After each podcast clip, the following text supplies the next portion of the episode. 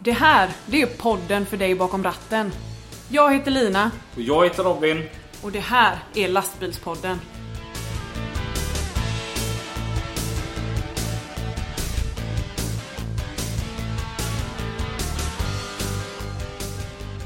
Äntligen Äntligen! är det söndag, onsdag, onsdag, söndag. Ja, Mm. ja det är inte alltid vi har det nu mer. Eh, just söndag och onsdag, ibland är det fredags onsdag och torsdags onsdag och Ja. onsdag onsdag och sådär. Ja, fast nu, nu rör det kan vi inte bara säga att det är söndag, onsdag? Ja, vi gör det. Eh, och vi gör som vanligt. Ja, fika. Vi, ja, vi fikar. Ja. Eh, vi, och idag har vi fått riktigt mycket fika. Mm, mm. Kan du berätta vilka som har sponsrat med fika idag?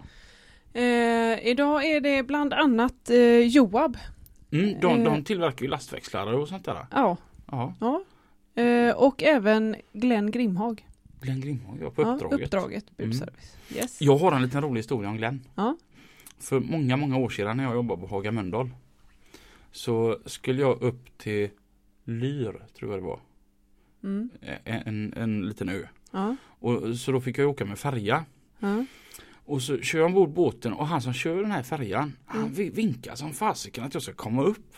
Tänkte oj, nu är det ju någonting han kanske vill berätta som varnar för på andra sidan. Där. Så jag, jag går upp eh, där till honom då och han pratar som bohuslänska så att jag, jag, jag hör inte vad han säger redigt. Han är, visar sig senare att han är från Åstol. Mm. Och så, så säger han det. Ja du kör lastbil ja. Ja jo. Är du från Göteborg? Ja. Då känner du Glenn då? Och jag tänkte, "Ah, det är ju ett skämt liksom. Så Ja, alla heter Glenn. ja. Ja. Så jag bara, alla heter ju Glenn i Göteborg. Så Glenn Grimhåg! Ja faktiskt, jag känner Glenn. Jag sa ju det. Ja. Det är min svärson det. Ja, Ja. vilket sammanträff. Men vi har en till fikasponsor. Ja, det är dagens gäst. Ja. Och eh, dagens gäst heter Mattias. Och dagens gäst tycker jag är, är, jag har varit lite nervös faktiskt. Ja, jag vet att du har varit det. Eh, och jag, jag stod här nu, vi hade avtalat klockan 13.00. Och eh, från 12.25 ungefär så har jag stått i öppningen så här och, och varit jättenervös. Hur hälsar Ja. man på dagens Ja. gäst? Du har ju stått i givakt och Kan- väntat. Ja. Ehm, för, för att alla gäster är helt fantastiska men den här Mm. är så ovanlig typ av gäst kan Ja. man ju tycka. Mm. Och så, och så kommer ju da- dagens gäst och så har han på sig sina arbetskläder. Mm. Eh, mina arbetskläder, eh, de är orangea. Mm. Och så står Det är det, ju vanligt när man kör lastbil att man har lite reflexkläder och Ja. lysande och så. Ja. och så står det Eurotransport bara. Mm. På min, sen är det liksom färdigt. Mm. Och på Mattias arbetskläder står det en himla massa grejer. Mm. Det står Mattias Ja, och Sweden. Och så står det Mattias Svanholm minus ma sve ISR TF. Ja, det fattar du väl? Jag förstår, kan, kan, kan, vi, kan du börja med att berätta vad minus ma står för? Eh, Minusma heter det. Minusma? Eh, och det är en fransk förkortning så den tänker jag inte uttala. Eh, för det kan jag inte. Men det är, det är FNs eh, ihop eh, organisation kan man kalla för ett eh, friare Mali. Okej. Ja. Eh, och Mali är då ett land i Västafrika. Där jag spenderade sex månader. Oj. Mm. I, eh, en, utanför en stad som heter Timbuktu. Där eh, svenskarna har en eh, litet kamp tillsammans med eh, en eh, mängd olika länder då på ett eh, superkamp kan man kalla det. Okej. Mm.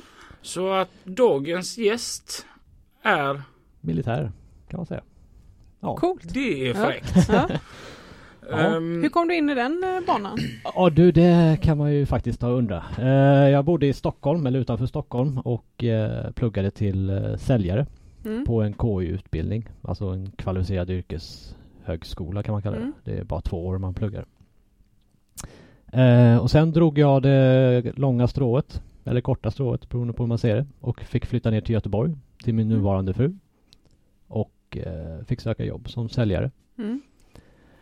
Eh, det gick inte så här jättebra faktiskt. Jag sökte väl under en 6-7 månaders tid så sökte jag väl en eh, 500-600 jobb. Mm. Och eh, fick ingen av dem alls. Mm. Och av en ren händelse så sladdade jag in på det här på försvaret då. Mm. Och då gick det fort.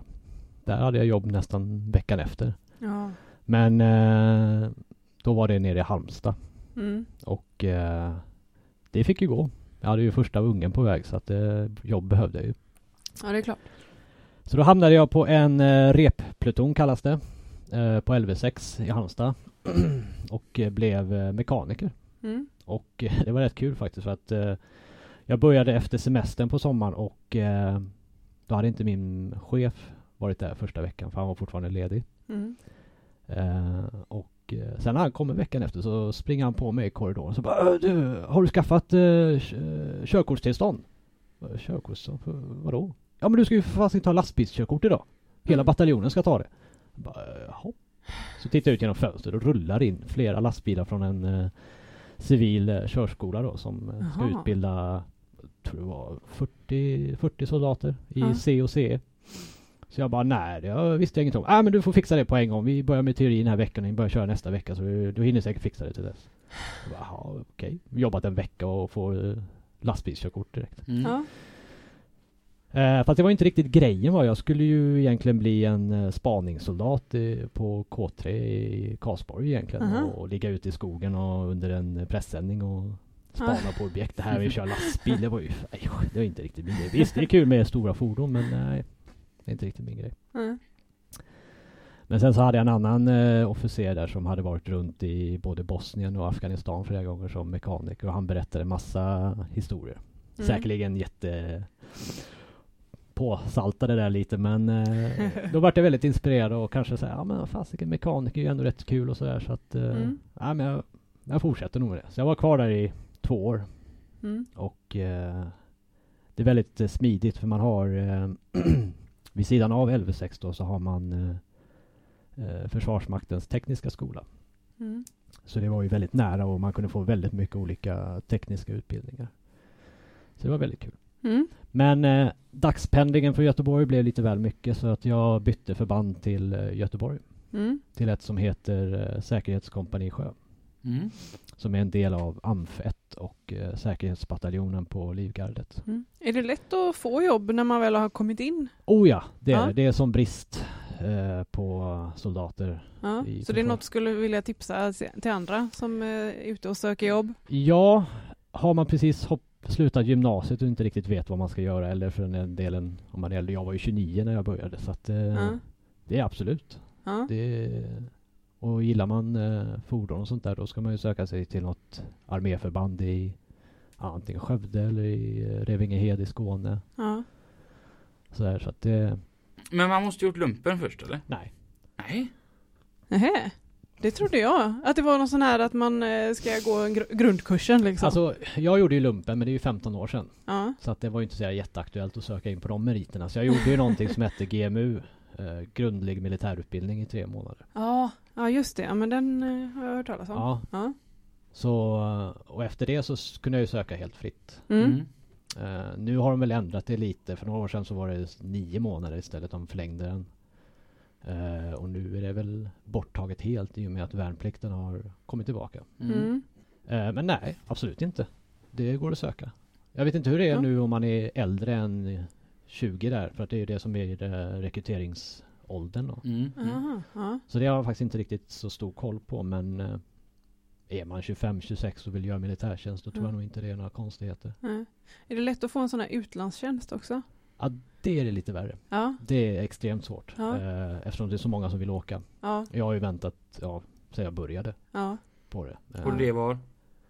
Vad sa du? När, när var det du började? Ja, det var 2013 jag började jobba i försvaret. Mm. Men jag gjorde ju lumpen 2003-2004 och eh, ja, redan då var jag ju intresserad av att åka. Ja. Så att, eh, ja, det, är, det är väldigt svårt eftersom det är väldigt många som vill åka. Mm. Mm. Och sen lite beroende på, eftersom alla rotationer då som man kallar det som är sex månader, de är uppdelade på olika förband. Så vissa förband har ju lättare att fylla platsen än vad andra förband har. Mm. Så som nu när vi åkte ner, då var det ju amfibieregementet i Stockholm som hade det. Mm. Mm. Och de har ju inte sådär jättemånga lastbilsförare eller eh, lastbilsmekaniker för den delen. Så vi var ju Nej. nästan hälften hälften på den. Eh, Ja, okej. 50-55 procent av hela styrkan var från amfibiekåren. Sen var det utspritt på andra förband. Mm. Vad gjorde ni där nere i Mali då? Ja, jag var ju mest i verkstaden Mm. och skruvade på lastbilar och våran eh, stöttepelare Alltså, där jag, jag tänker, vi, vi är ju inte i krig. Nej, Nej. Och Fast- vad, alltså, vad, vad gör man? Ja, vad, vad är det för nytta med att åka ner till Mali? Just, Eh, vad gör vi i Sverige där? Jo men eh, Sverige i sin helhet är ju en del av eh, FN då.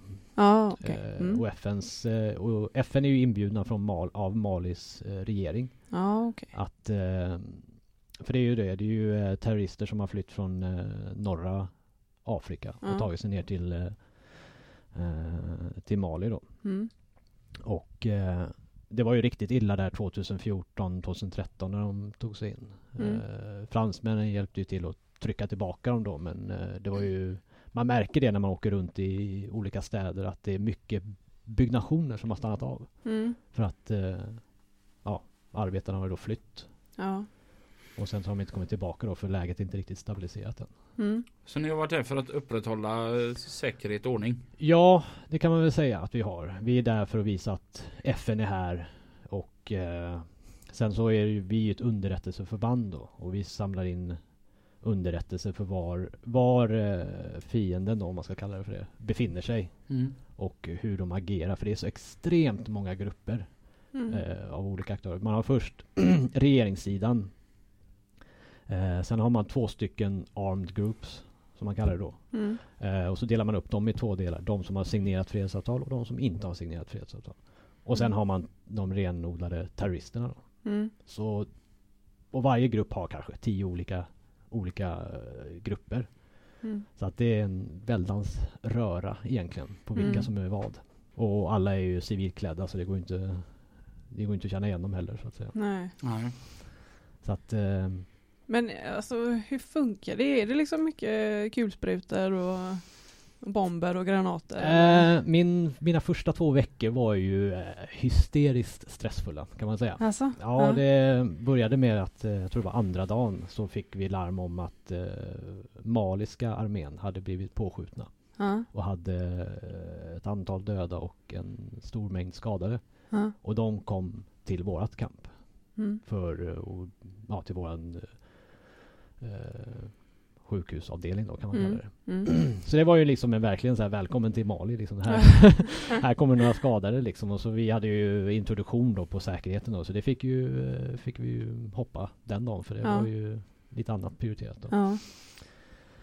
Eh, och sen dagen efter det då fick min eh, stridsparskamrat då kan man säga han fick ju rycka ut för då var det ju någon eh, kranbil som hade vält så han fick ju åka ut med bärgaren och Mhm. lyfta upp den igen. Mm. Och eh, sen på tisdagen tror jag det var. Då kom första granatattacken. Okej. Oj.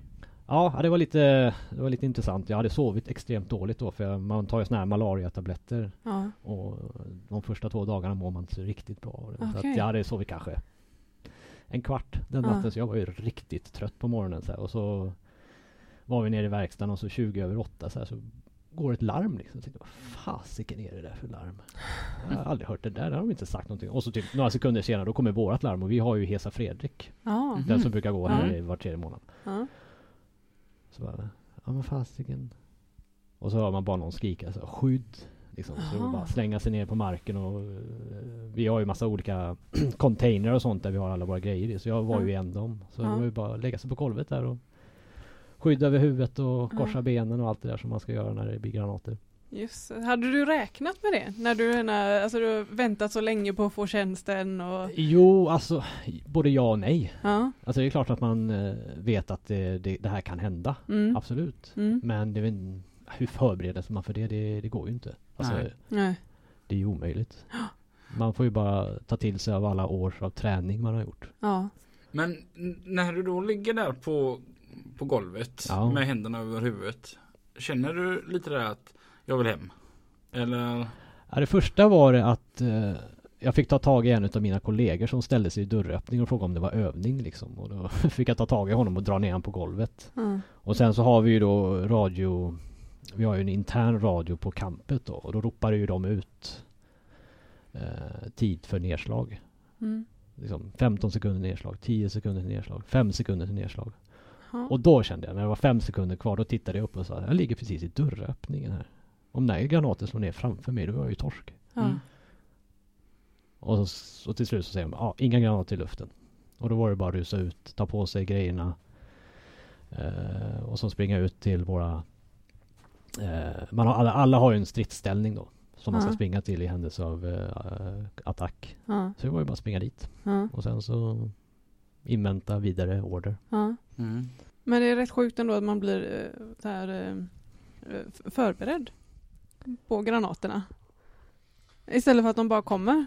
Ja, Sverige, tio Sverige har ju en, ett system där nere som känner av det. Plus att Ja. fransmännen har ju ett akustiskt system.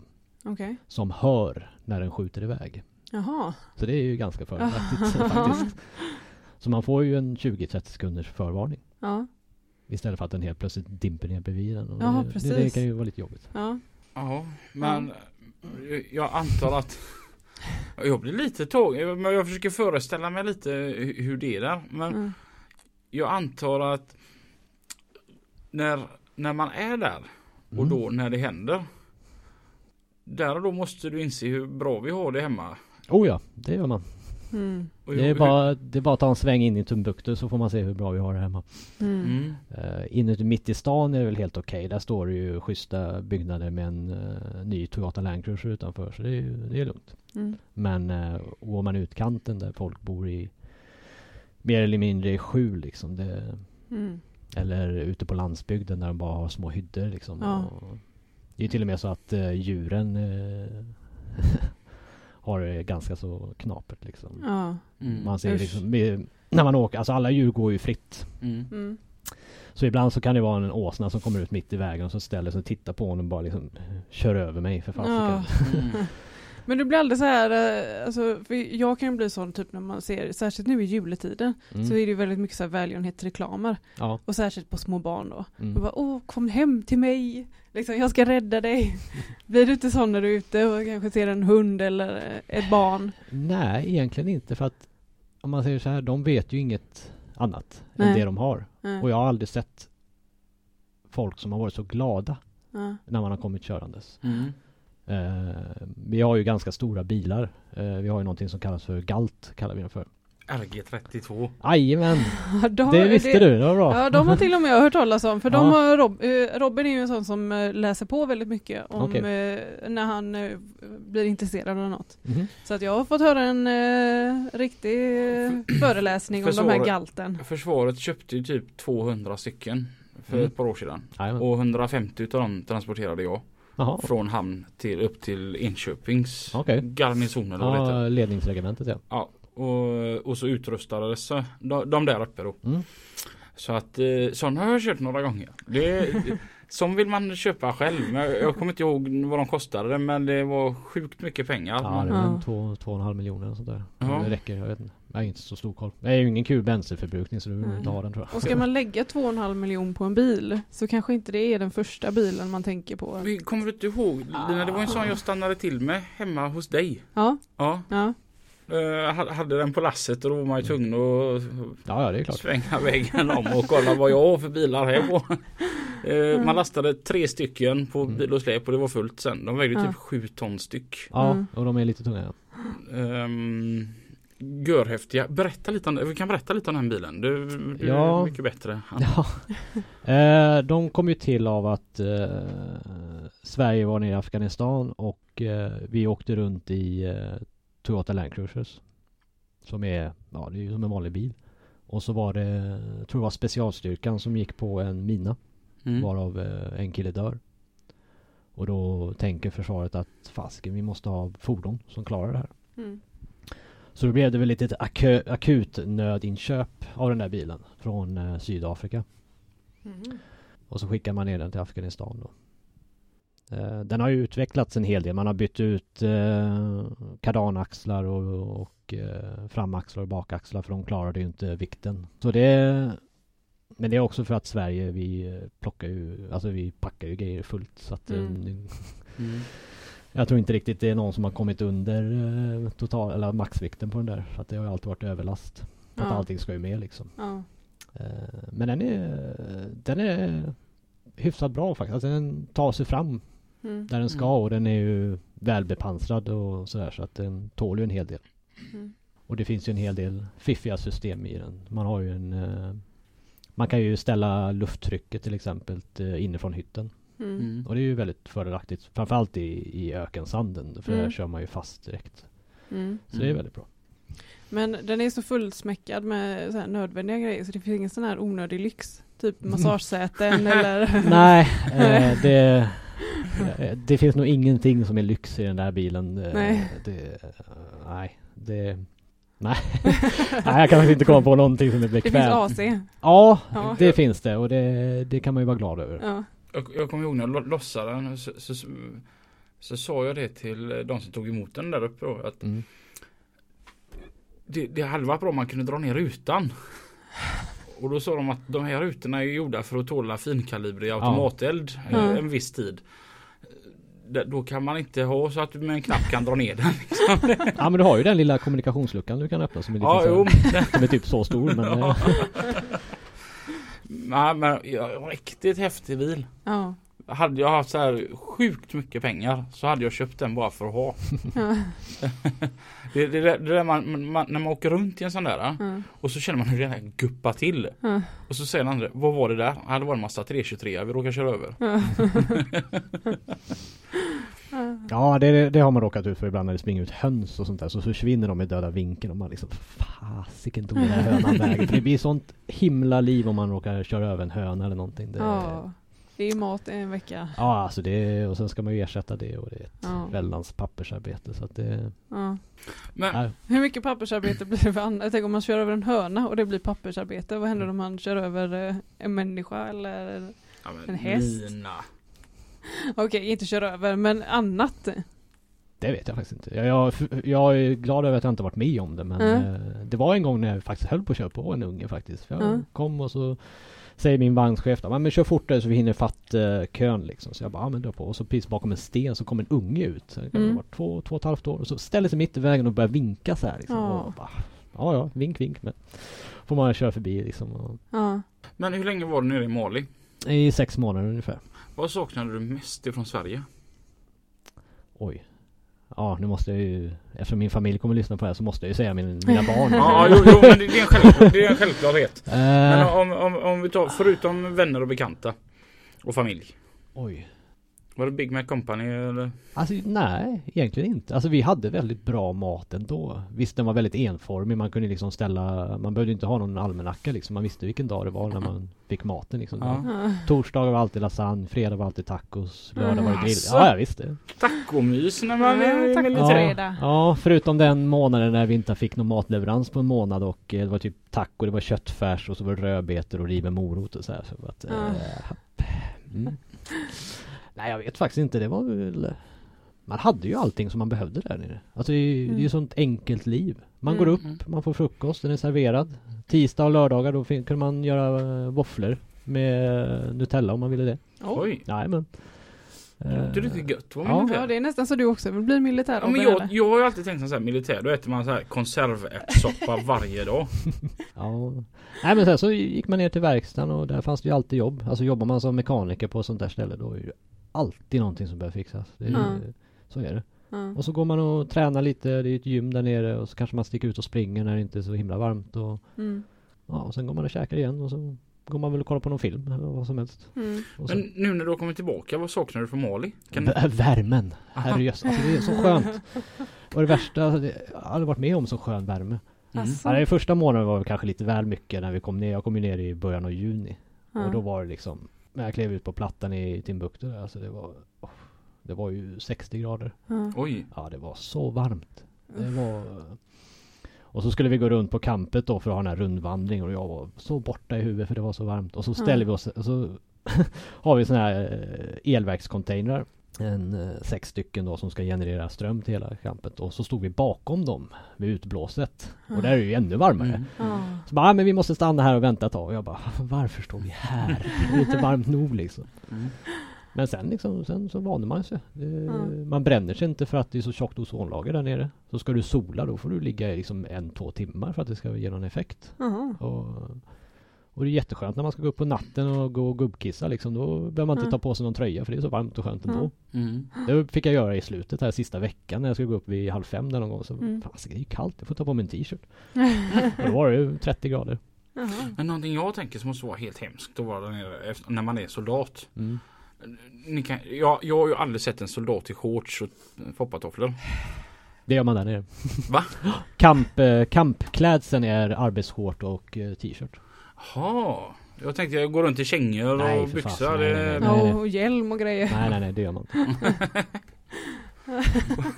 Går upp och äter frukost, tar på sig hjälmen och kängorna. Ja men alltså jag vet bara en sån här grej, grej på detta jobbet där jag arbetar. Vi har ju bil, biltransporter och så har vi bärgningsbilar. Mm. Bärgarna får inte lov att ha shorts. Nej. Och den här sommaren som har varit så varm. Ja. Alltså jag har ju lidit med dem Ja. och retat dem lite. Ja. För att jag får ju lov att ha shorts. Ja. Men det får inte bärgarna ha. Nej. Och då tänker man stackars. Tänker man Fast det finns ju så många andra då som har en mycket kanske strängare uniform. Alltså, Mm. Typ då militärer, poliser, ambulans. Ja. Att det kan inte vara roligt. Räddningstjänsten när de tar på sig sina stora Ja. byxor. Det, Då ser man ju, det, det här kan inte vara roligt. Nej, rökdykardräkten där mitt i Mm. sommaren. Ja, tjena. Ja. Och så ska du gå in i någonting som är ännu varmare än Ja. vad det redan är. Ja. Vad, vad, vad bär du med dig som det häftigaste minnet där nerifrån?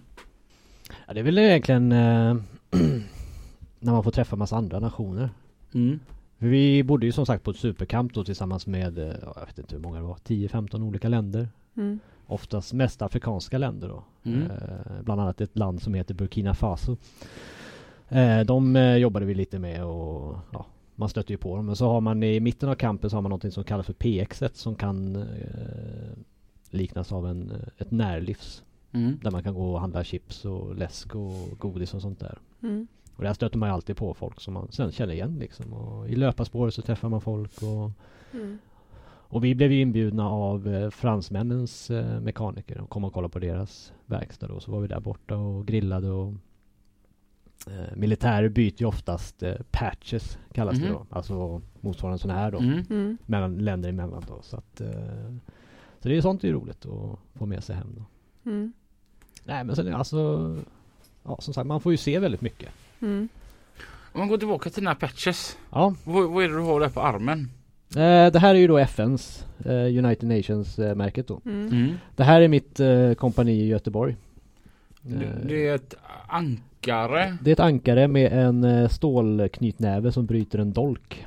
Okej. Mhm. Och dolken inom försvar, inom militären symboliseras oftast av specialförband. Mhm. Och eh, vårat förband är ju det, är ju ett förband som används när det är skymningsläge kallas man. Mm. Det är alltså innan det blir krig. Mhm. Aha. För eh, underrättelse sker ju eh, överallt, hela tiden. Eh, och vi, vi jobbar ju för att förhindra det i Sverige. Mm. Så vi jobbar väldigt mycket med eh, säkerhet och underrättelsetjänst då. Mm.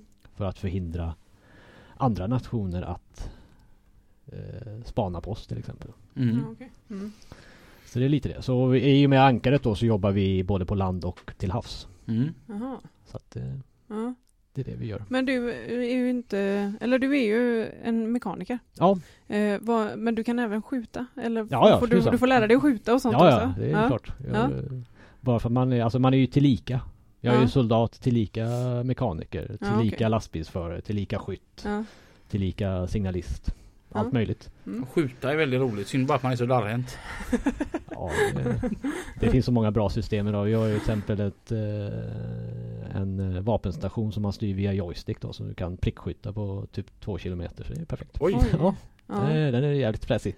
Kan man se i mörker och IR-kamera och allting. Så att det, Ja. Då måste du få testa att skjuta med massa fräcka grejer då. Ja, det händer. Men det är som allt annat. Det blir tråkigt i längden. Så att jag har ju tröttnat på det där. Ja. Men det är gärna därför man söker till militären. Det är ju för att man, man räknar med att få skjuta lite. ja. Man måste ha ett litet så här intresse för, för vapen. Ja. Ja, För mig var det mer eller mindre att jag tog försvaret för att det var ju ingen annan som ville anställa mig. Mm. Så det var ju lite därför. Mm. Eh, Sen helt plötsligt så blev det att eh, ja det här var ju nice, jag får ju grejer. Jag Ja. får ju utbildningar och jag får ju lastbilskörkort och Ja. sen blev det lastbil med släp och, Ja. och sen här förra året så ansökte jag om att få gå YKB. Mm. För det behöver inte vi. Det är Nej. ju det absolut bästa med försvaret för du behöver ju inte ha, förhålla dig till YKB eller kör och vilotider. Se det ja. Jajamän. Mitt i en ha, heter så här, Red Bull och gifflar funkar bra. Ja, ja men det, det är så. Alltså, det, Granaterna faller, så bara nej nu måste jag ta min vila. Ja precis att eh, Det var nästan den frågan jag hade förväntat mig. Vad är det bästa med att köra lastbil i försvaret? Och det är ju precis, det är inga kör och vilotider. Vi behöver Ja. bara ha sex timmars sammanhängande sömn. Ja, Och sen är det bara att ut och köra i 18 timmar. ja.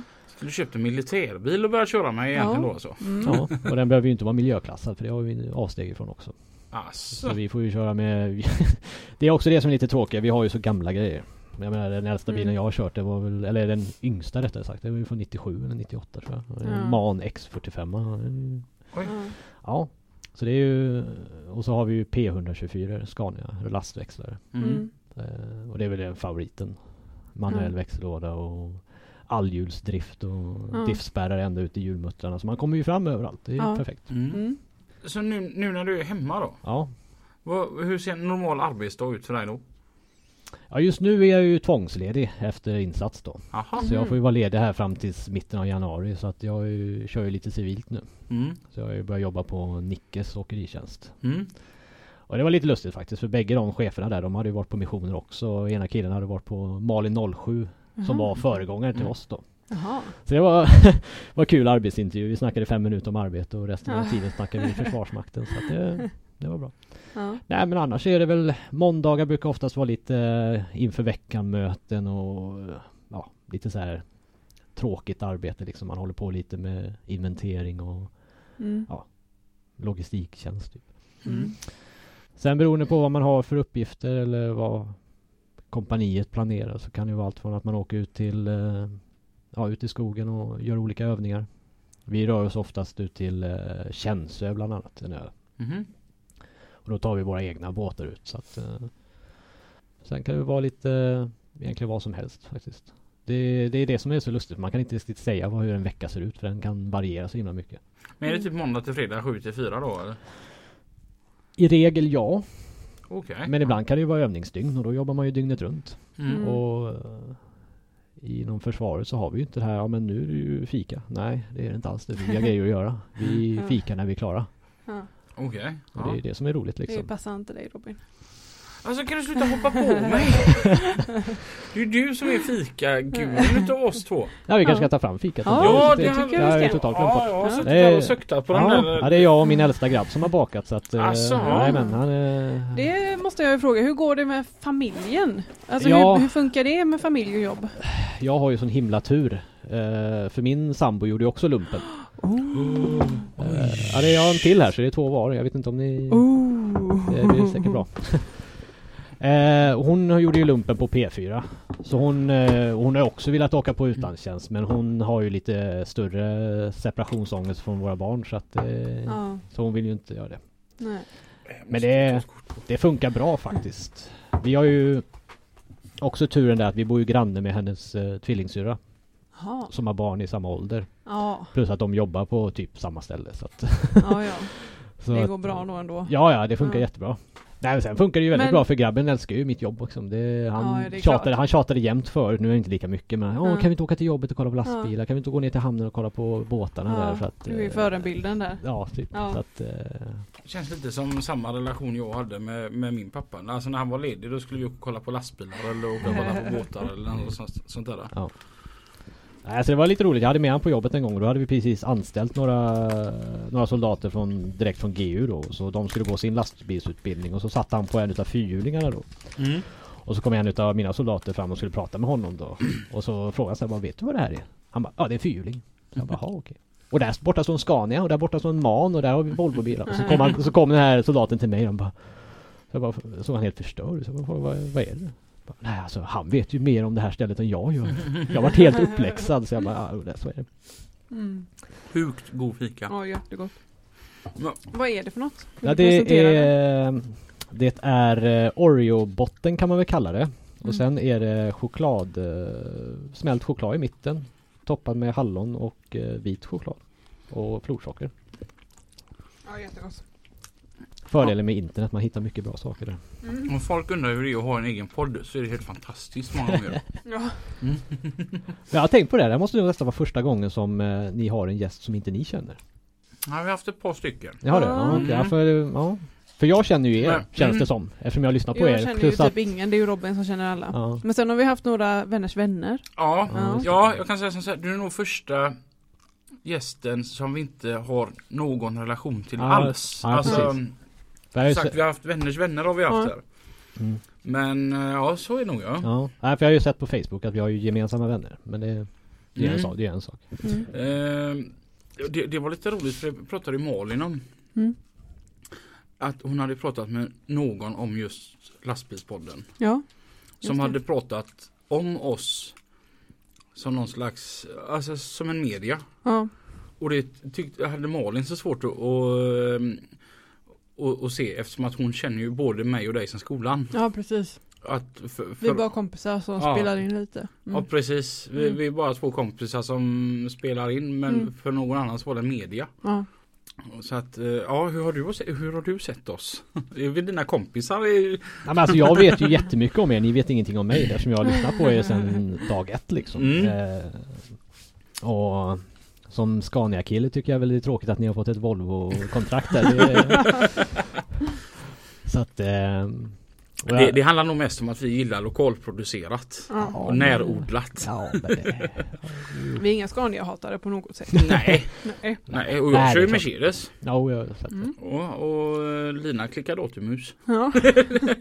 Ja.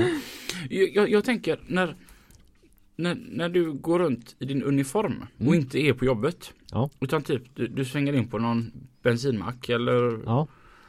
blir du bemött på, på annat sätt? Alltså när folk ser dig? Ja, det där är ju rätt kul för att eh, framförallt när jag jobbade i Halmstad så tog jag ju, då bodde jag ju på Guldheden.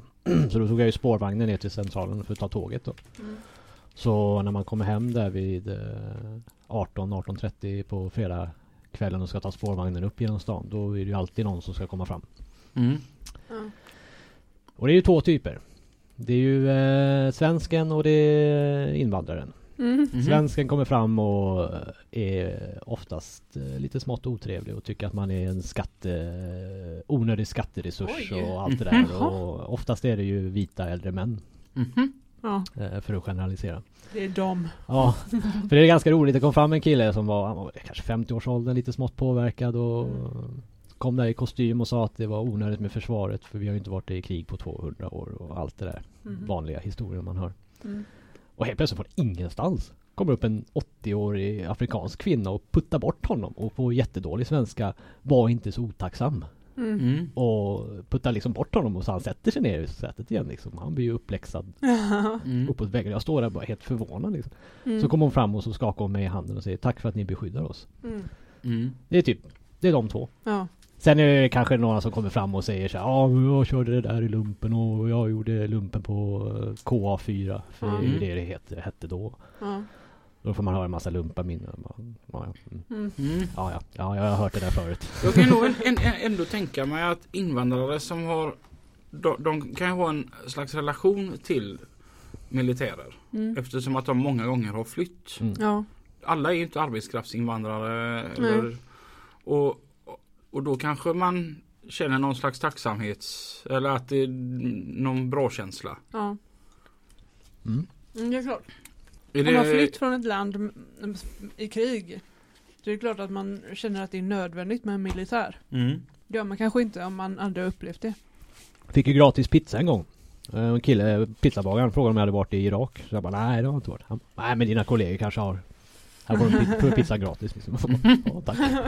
Det är schysst. Så det händer ju ibland. Ja. Och gå till pizzerian varje gång Ja, med uniformen på sig. på mig uniformen igen. Nej. nej men i början var det väl lite för fem, sex år sedan då var ju, då var ju försvaret ganska så anonymt. Nu Mm. har det ju, de senaste två åren så har det ju blivit extremt mycket mer. Man har återinfört värnplikten och eh, det har blivit större övningar och sånt där. Så att Mm. nu är vi ju mer aktiva så att säga. Äh, för, för jag blev ju Apropå det här med uniformer. Mm. Alltså jag var ju verkligen sån här när, när du skulle komma. "Jaha, Nu kommer det en soldat. Hur, hur hälsar man på en sådan? Det- och och då, då tänker jag, får du den reaktionen ofta? Alltså, äh, ja, typ du ska in och handla någonting på macken. Att, äh, inte att man blir osäker för jag, det är inte så att man blir rädd men alltså eh, jag tänker här är en som är med och försvarar oss liksom vårat land och grejer. Denna, hur, hur beter man sig mot en sån? Eh, ja, det vet jag inte. Det... Många brukar hålla upp dörren och säga försvaret först. Och sådär. Så Alltså. det, sen får man ju många blickar liksom och, och sådär. Det är ju, Ja. Men det, jag tycker inte, nej jag upplever det inte som att det är någon som skulle vara speciell på det sättet liksom. Det, Hur mycket återspeglar sig ditt arbete hemma? Oj! eh, ja du, eh, väldigt, väldigt mycket.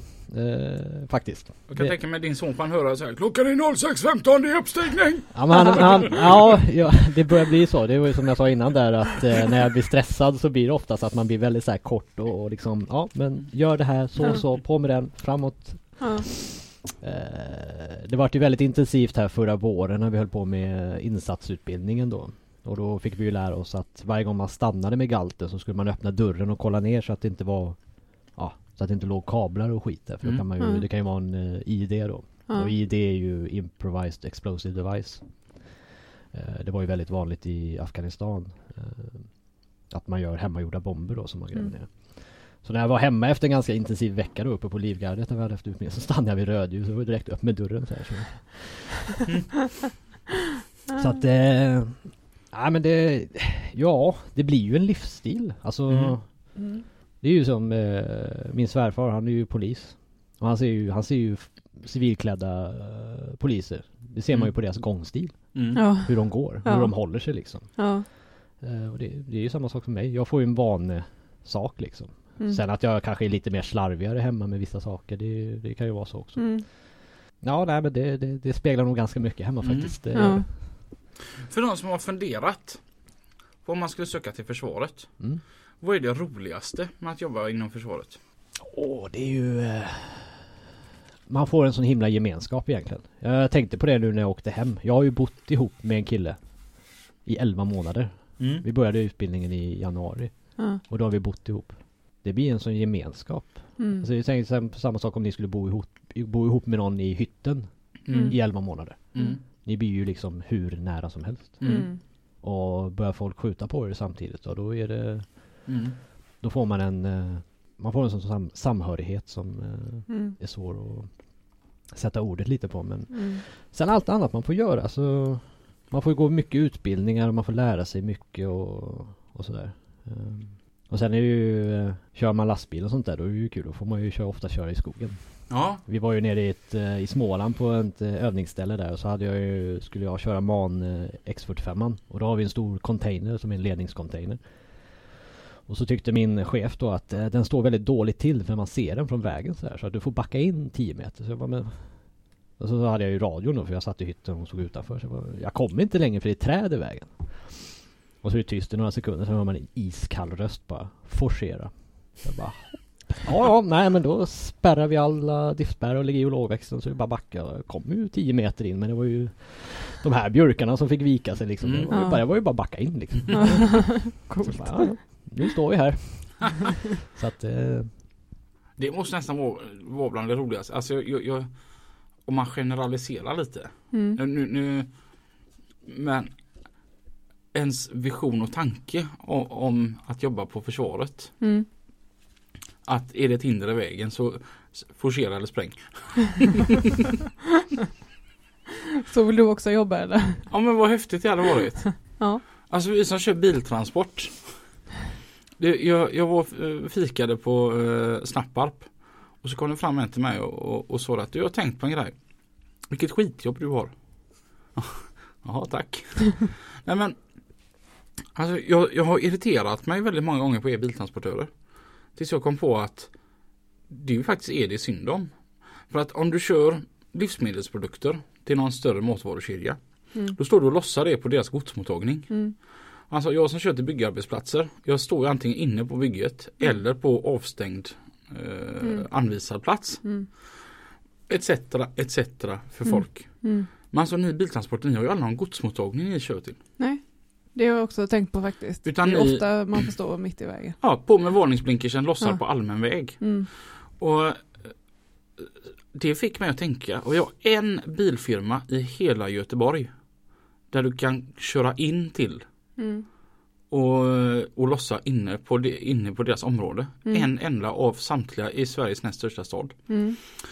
Och då tänker jag att det hade varit fräckt annars då. Forcera eller spräng. ja. Så det hade nog passat mig lite ändå att jobba på försvaret. ja, kanske.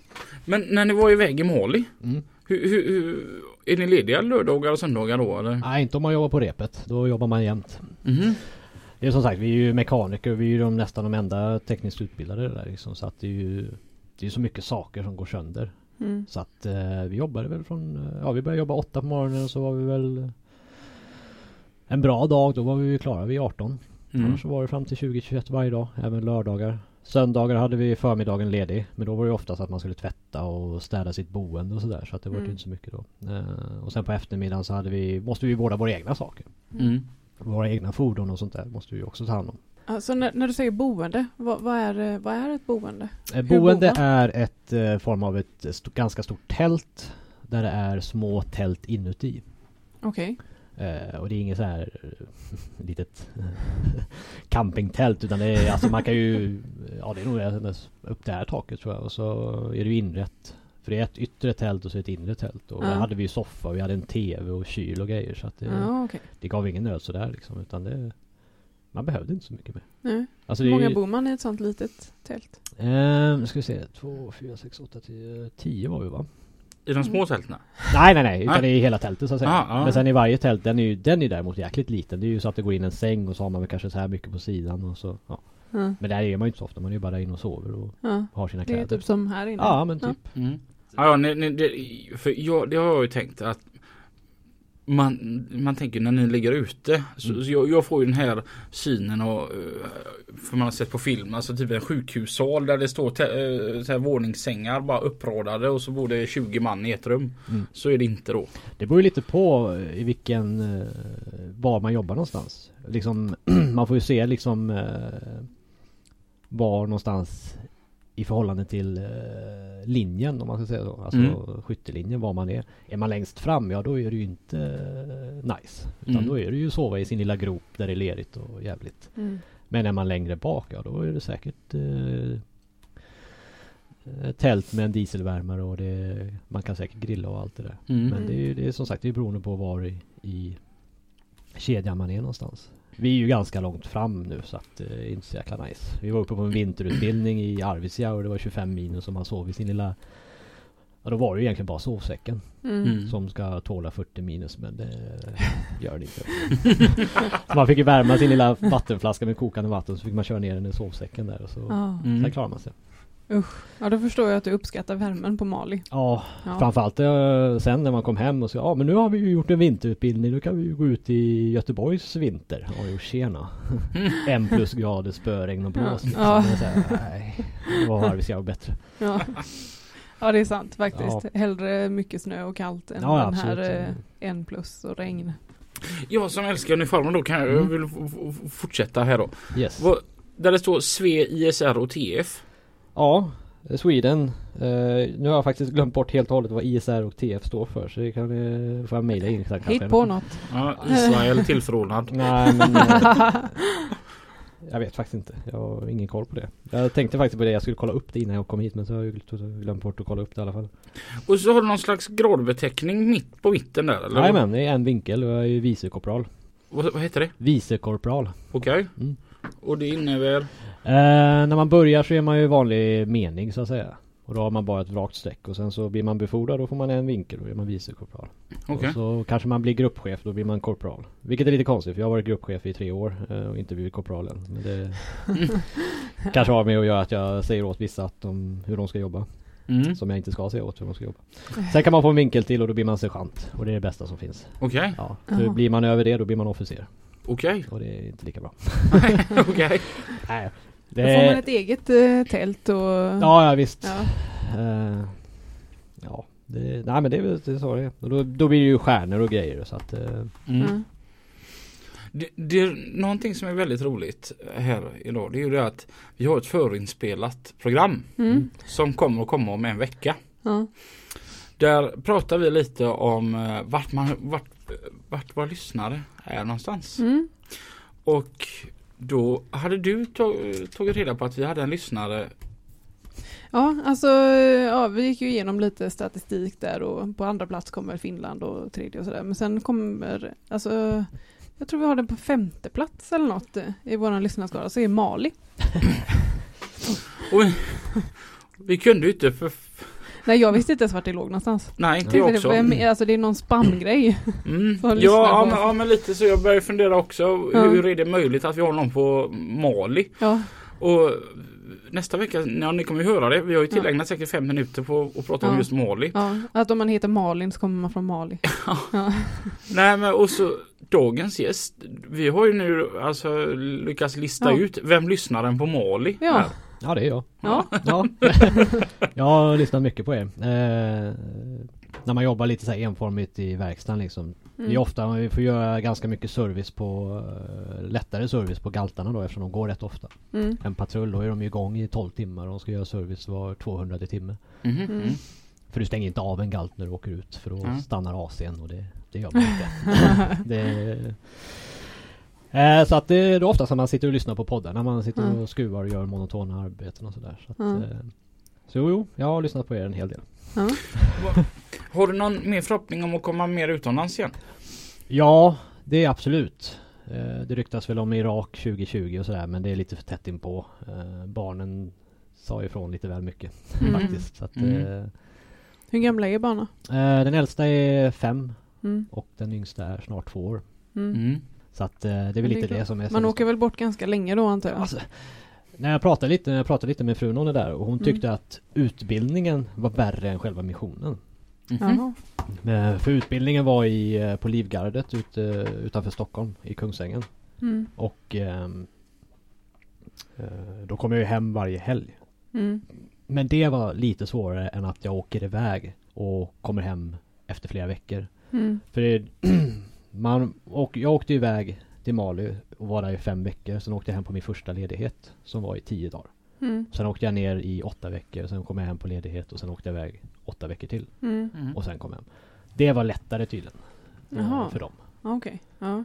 För Hur, hur lång tid tar det att flyga till och Ja, från? herrejösses, Men det är ganska många ja, det- byten eller? Det är så omständigt alltså. Först Ja. får jag ju flyga härifrån upp till eh, Stockholm och sen buss ut till Västerås. Ja. Där vi eh, chartrade ett eget plan. Så, att säga. Jaha. så det var ju nice. Då hade man ju tre säten då. Och så Ja. sticker den vid 21 på kvällen och så landar man i, i Bamako som är Malis huvudstad Ja. på morgonen. Och sen så ska man flyga en litet inrikesflyg från Bamako bort till Timbuktu som tar ungefär en och en halv timme. Ja. Men den tar inte hela styrkan så den får flyga två gånger. Och har man otur så får man flyga andra. Och Då får man sitta i den där flyg nergrisade flygplatsterminalen som ingen använder. Ja. Och Bamako är Det är väldigt fuktigt. Ja. Så det är som ett, sju, som ett växthus i Ja. Bamako. Det är så Ja. mycket fukt. Till skillnad från Timbuktu som ligger mer i ökenområdet. Där är det Ja. ju torrt. Ja. Eh, Så ja, dörr till dörr så kan det väl ta en 24-30 timmar kanske. Om man har otur. Mm. Ja. Så att det tar ju sin lilla tid och det sliter ganska mycket. Jag tycker Ja, nästan det det, har, det, det har varit värst egentligen. Att ta sig fram och tillbaka för det, det är så omständigt liksom. Det, Ja. Livgardet där uppe i Stockholm. Li- Ligger ju vid Brunna. ja Kungsängen. Ja. Ja. Ja, ja, ja. mm. Och där har vi våran eh, Våran största terminal på Eurotransport. Mhm. Och första gången jag var där uppe, då var jag eh, själv. Och då var det, alltså det smattrade något så pass. Alltså det lät ju som att någon sköt på mig. Och jag, jag blev ju gärna livrädd för nu kommer ryssen här på riktigt denna och den första de ska ha det är mig. och då, då visste inte jag om att det var Livgardet som låg precis jämte. Alltså Mm. vi ligger Alltså precis i lin- linje där, där de har sitt. Mm. Då kan man åka upp dit och fika. Eller de har någon slags soppkök där ja, ja, ja. Du har ju eh, soldathemmet precis Ja. utanför. Åh gud, det är så god mat där. Ja, så där har jag varit Jaha. och checkat ett par gånger faktiskt. Jaså? Jajamän. Mm. Jaha. Deras hamburgertallrik är att rekommendera. Jajamän. Så det- Den har jag Det är testat. stor parkering så man kommer in där med bil och släp. Det är lugnt. Ja. Så att det det var li- blev lite roligt att du nä- nämnde just det istället. Ja, ja, men det är ju eh, Sen att Livgardet är lite tråkigt i sig själv Det är ju det är en annan sak Det är ju eh, tydligen någon som Han som ritade Livgardet ritade även någon form av anstalt någon annanstans så att det, går lite så här, det är lite samma design på det hela Ja. Men när, när du jobbar här i Göteborg, vart är du någonstans då? någonstans? Eh, Kärringberget. Okej, ja. Eh, Det är ju gamla K4 där ute. ja precis. Mm. Som nu idag heter? Göteborgs garnison. Okej, ja. För det är ju, man la ju ner KA4 blev ju, alltså kustartilleriet blev ju amfibieregementet. Mm. Amf 4. Sen la man ju ner det helt och hållet. Men man ville fortfarande ha lite delar kvar. Bland annat så är ju eh, sjöräddnings, sjöräddningen håller ju till ute på garnisonen. Mm. Och sen så har eh, trängregementet i Skövde Mm. har en del på garnisonen i form av sjukhuskompaniet. Och sen ville då Amfet ha en del på västkusten också så de hade ett kompani där och sen så kom vi också. Och nu ska de väl återuppföra att det blir en hel egen bataljon där. Mm. Så återupprättandet av AMF 4 och så ska man flytta ut sjukhuskompaniet till eh, Säve istället. Okej. Mhm. Vilket jag hoppas på för ska det bli så mycket folk som de säger där så blir det väldigt väldigt trångt. För det är trångt Mm. där. Jag kommer, det är knappt som man kommer fram med bil. Så det är, Ja. Alltså man, man pratar ju jämt om det. Det har man ju alltid hört att försvaret bara, det är bara nedskärningar hela Mm. tiden. Men är det fortfarande bara massa nedskärningar att vi har ett försvagat försvar? Eller satsas det på försvaret som det borde? Eller vad? det, det vet jag ju inte. Jag har ju inte varit med när det var som bäst egentligen. Nej. Eh, Men det är klart man önskar att det var lite fler. Och lite mer. Vet du hur många soldater det finns i Sverige idag? Ja, vi är ju mer än polisen. Alltså. Jajamän. Det Mm. är vi. Har, jag, har bara någon som sa det till mig i alla fall och det lät trovärdigt i alla fall. Så att, Mm. Men vi är ju alltså Och det är ju egentligen jag, jag kan ju tycka så här att det är bra att folk inte vet vad vi gör. Mm. Eller vad vi håller på med. Eller hur många vi är. Mm. För då vet ingen annan det heller. Mm. Och med dagens eh, sam, alltså internet och allt det där. Informationen spelar. Så det- märker man ju på Facebook liksom. Mm. Mm. Det går en minut när jag passerat en bil med mitt ekipage och så kommer den bilden upp på nätet på Facebook och så står passerar det här fordonet här och här och nu då. Mm. Ja. Tack för den. Det är lite fler än du som läser Facebook. Ja. Så att eh, det är ju det är just det här cyber, eh, alltså förmågan att eh, härska över internet är nästan Ja. värre än Ja. att komma in med en stridsvagn i Sverige. ja, Mm. men det bo- påminner lite om den här Mr Dashcam vi hade. Ja. Hans inlägg som blev delat typ Mm. 500 gånger på Ja, ett toalettbesök liksom. Mm. Men det, det är rätt bra att folk inte vet hur många det är för då kan vi lura danskarna tillbaka så som de lurade oss. Jaha. När de tog Bohus fästning. Ja det, det, det, det, är, det är hårt. Ja. Kommer du inte ihåg det Lina? Eller Jo, kommer du ihåg? Ja, jag kommer vet ihåg det. då, men- Jag, var med då. Eh, För de som inte vet, vi har ju en fästning här i, i Kungälv då. Och, eh, och, så, som där svenskarna bodde och hade det görbra. Och så kommer det en dum dansk. Och, och, och säger det att nu ska vi ta er. Ja fast det får ni inte. Svarar svensken lite snällt. Ja fast vi är så många som är på väg hit nu. Så många står och väntar där borta. Mm. Och då blir ju svenskarna lite rädda för att det var ju tre gånger mer än som var på fästningen. Mm. Så att svensken går vi upp. Det var ju att danskarna var ju inte ens så många. Men pratar du om Mm. Bohus fästning eller Älvsborgs fästning? Bohus. Ja, Okej, för Älvsborgs var ju också en ganska stor strid där med Tordenskjöld bland annat. Okej. Svenskarna byggde den och så kom ju han eh, Tordenskjöld. Norsk officer som jobbade för danskarna. Mm. Kom upp och det var ett väldans liv där. Eh, Nu kan inte jag historien exakt men eh, det räknas ju med ett ganska stort eh, slag bland annat. Men jag tycker det var lite fult av danskarna att luras på det viset. Ja, Man får inte ljuga. Nej, Nej. det får man inte göra. nej. Eh, Och och vi framstår som dumma mot danskarna då. Ja. Ja. Ja. Jag, jag, hade, jag hade inte ens tänkt på det förrän jag var på dansk julefrukost förra helgen. Jaha. Och så var det en som sa att lättlurade svenskar. Och så drog de upp den historien. De får lära sig det i skolan. Ja, precis. Så här gör man för att lura svenskar. Ja, exakt. Ja. Men en annan grej jag har tänkt på. Jag, jag, kan inte, jag kan inte komma på när det här ska gälla. Men vem står högst? V- vem bestämmer över den andra? En polis eller en militär? ja, det är alltid kungen. Nej, det är lite- det är lite- kronan. Ja, det är lite intern hur i försvaret att det är alltid kungen som bestämmer. Det är Mm. alltid kungen som bjuder på mat. Nej, i fredstid så är vi ju underställda polisen. Okej. Det är det. Men i krig så är det ju krigets lagar som gäller och då Mm. flexar man ju lite. Mm. Ja, ja. Men eh, till exempel militärpoliser som eh, vi har ganska många på mitt förband. De, eh, de har ju nästintill samma befogenheter som vanliga poliser. Det har jag tänkt på många gånger jag blivit omkörd av bilar som det står militärpolis på. Mm. Vad, är, vad skiljer dem från en vanlig militär och vad skiljer dem från en vanlig polis? Alltså vad är det för någonting? Ja, hur fräcka är de? Ja du. De, eh, militärpolisen verkar ju oftast ja, inom militära skyddsobjekt och inom militära organisationen då. Och ja, de har ju blåljus på sina bilar också som vanliga polisen har. Eh, Mm. Jag har ju inte de befogenheter som militärpolisen är för de har ju, jag har ju inte gått den utbildningen. Eh, Så de har ju mer juridiska aspekter och liksom eh, ordnings inom försvaret Mm. kan man säga då. Så vi har ju Vi hade ju med oss två militärpoliser ner till, till Mali då. Mm. För de var ju mer vanliga poliser över oss. Mm. Och eh, de var även med och stöttade eh, andra förband Okej. med hur, hur de jobbar. De måste ju stå allra högst upp då.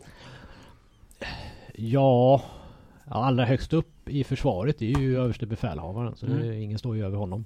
Mm. Eh, men ja, de har ju mycket att säga till om inom Mm. försvaret, absolut. Mm.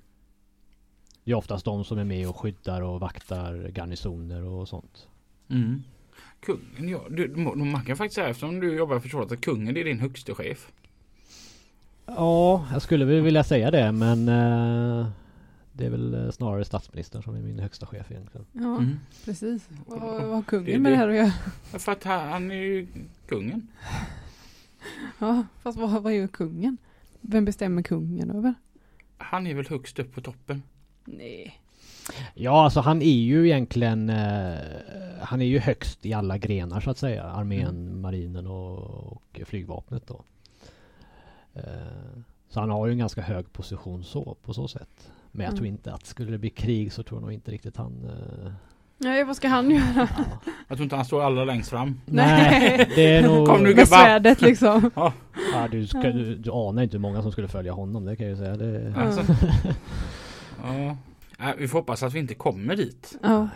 Att, att, att vi ska, ska behöva eh, kriga. Det är, Mm. bättre att vi besky- beskydd, hjälper till att beskydda andra så som du har varit iväg. Mm. Ja, ja det, är ju, det har ju varit ganska roligt faktiskt. Även fast det har varit lite misär för dem då. Men eh, man har ju lärt sig en hel del. Jag gnäller ju inte så mycket på trafiken här hemma längre. Utan trafiken Mm. där nere är nästan värre. Alltså. Ja, det är ganska trångt och kommer man in med...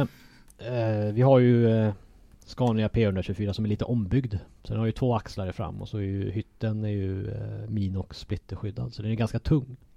Och så är det ju såna här uh, splitter eh, glas då. Som Mm. är mycket mindre så man ser ju inte ut knappt Mm. på sidan. Och det här med höger och eh, vänstertrafik är ju lite diffust ibland. I alla fall inne i stan. Jaha. Det är inte så mycket bilar men det är ju väldigt mycket motorcyklar. Okej. Så Jaha. att eh, kommer man och det är trångt i gatan och finns det ett utrymme mellan en husvägg och högersidan av lastbilen då kan du ge fasiken på att det kommer en motorcykel där. Alltså. Och gör man lite ryckare då, eh, med ratten då klämmer man ju fast den. Så att, eh, Ja. ja, det, är, det är många gånger som man har varit lite så här, Man tror att man har kört över folk och så helt plötsligt så bara swishar det förbi en motorcykel. Så. Oj. så att det... Men ni tog med era egna svenska lastbilar ner till Mali då? Jajamän. Fräckt. Allt är ju vårt egna. Okej, egentligen. ja. Så att det, det är ju en enorm logistik för att frakta allting fram och tillbaka. Men då, då är det lite som så här. Nu, nu har ju Sverige varit nere då och hjälpt till där. Mm. Kan vi förvänta oss samma hjälp då alltså om någonting skulle hända här hemma i Sverige? Att eh, ja, man, man vet aldrig, någon vill åt Sverige och så blir det oroligt här. Kommer FN göra upp sådana här camps hemma i Sverige också? Det kommer fransmän och mm, mal, maliseser eller vad? Det beror ju lite på vad man, vad man kommer fram till. Jag menar Maliska regeringen bjöd in FN Mm. för att hjälpa dem med situationen. Och sen har man ju byggt upp det här under en längre period. Det här började ju 2014. Mm. Så att eh, Ja man kan ju alltid hoppas att folk eh, kommer till oss och räddar oss också. Mm. Mm. Jag tror nog inte riktigt FN gör det för att FN är ju en Om man säger så här Alla världens länder förutom två är medlemmar i FN. Okej. Men ändå krigar vi. Ja. Mm. Det är liksom eh, Det känns ju lite så här, ja ja okej, vad är det FN faktiskt gör då? Mm. Om vi ändå krigar fast alla är med i samma bokklubb. Mm. Eh, då tror jag ju eh, mer eller mindre på Norge och Danmark grannsammanverkan istället. Mm. Mm. Det tror jag är större hjälp faktiskt. Mm. Och definitivt snabbare eftersom FN är en väldigt stor byråkrati. Saker Mm. och ting tar Ja. lång tid. Allt Eh, pappersarbete. Ja, alltså, ja. Ja. precis. Så att... eh, När man kör på hörnor och sånt. ja, precis. Vilket språk talar man eh, på Mali? Eh, det är en fransk, eh, för detta fransk koloni så att i Mhm. städerna så är det framförallt franska då. Där Mm. ute Okej. på landsbygden så är det deras eh, ordinarie språk man ska säga. Maliska? Ja, vi har något jättekonstigt namn som jag inte riktigt kan uttala. Ja, okej. Ja. Men vi har ju med oss tolkar och sånt då som eh, Ja. militärtolkar som är med. Ja. Jag tror att veckans fråga den är självklar. ja, den är ganska själv. Men den ska ställas. Ja. När du åker ut med din P124 Mm. som är splitter och granatskyddad och, och så har du kängor på dig. Mm. Snurrar du upp dem och ställer dem på fotsteget? Nej, de sitter kvar faktiskt. Det, det tar ju en halv dag att snöa på sig dem. Så Ja, att det precis. smäller, i strid. smäller det om man ska hoppa ut. Då. Nej, det är inte riktigt Vänta läge. lite, vänta lite. man ska bara få-. Bara dra på med kängorna lite snabbt här. Nej, det, de får sitta på. Mm. Så att, eh, ja, jag, jag, jag, Det är bra val. Jag har aldrig riktigt förstått det där med att ta, alltså okej om man kör fjärr va, det, det Mm. förstår jag, då tar man ju av sig. Men, Mm. Och Jag bor ju liksom i min lastbil. ja, jo, Mm. det är klart. Ja. Det är lite som att jag inte sitter i vardagsrummet hemma heller. Med... Fast jag tycker det, alltså för jag är ju också en sån som gärna har skorna på mig när jag kör. Eh, sen förstår jag de som tar av sig, men jag tycker att det är lite obehagligt att eh, sätta foten på pedalen utan skor. Jag tycker precis tvärtom. Alltså, Jag får inte alls samma känsla för lastbilen. nej. Det, det känns jättekonstigt att köra med skor. Köra en lastbil med skor tycker jag känns jätte, jättekonstigt. Ja. För att man blir inte ett med bilen på samma vis. Alltså, jag tycker det är så här, så trycker man lite så här med tårna och så ramlar ena tån utanför och så blir det så här, eh, jag vet inte. Nej. Jag tycker det, är, det känns lite skumt. Mm. Mm. Mm. Tusen tack Mattias. Ja, för, Det att, för att du ville komma hit och dela med dig Ja. utav alla dessa Ja, intressanta ja, historier. redan första gången jag hörde det så tänkte jag att den där podden, den vill jag vara med i. Ja, den låter okej. så rolig. Ja, det här var ju riktigt roligt. Ja. Och eh, tills nästa vecka, Mm. kör försiktigt. Kör försiktigt. Och så ha det jättebra. Hej då! Hej då! Hej då.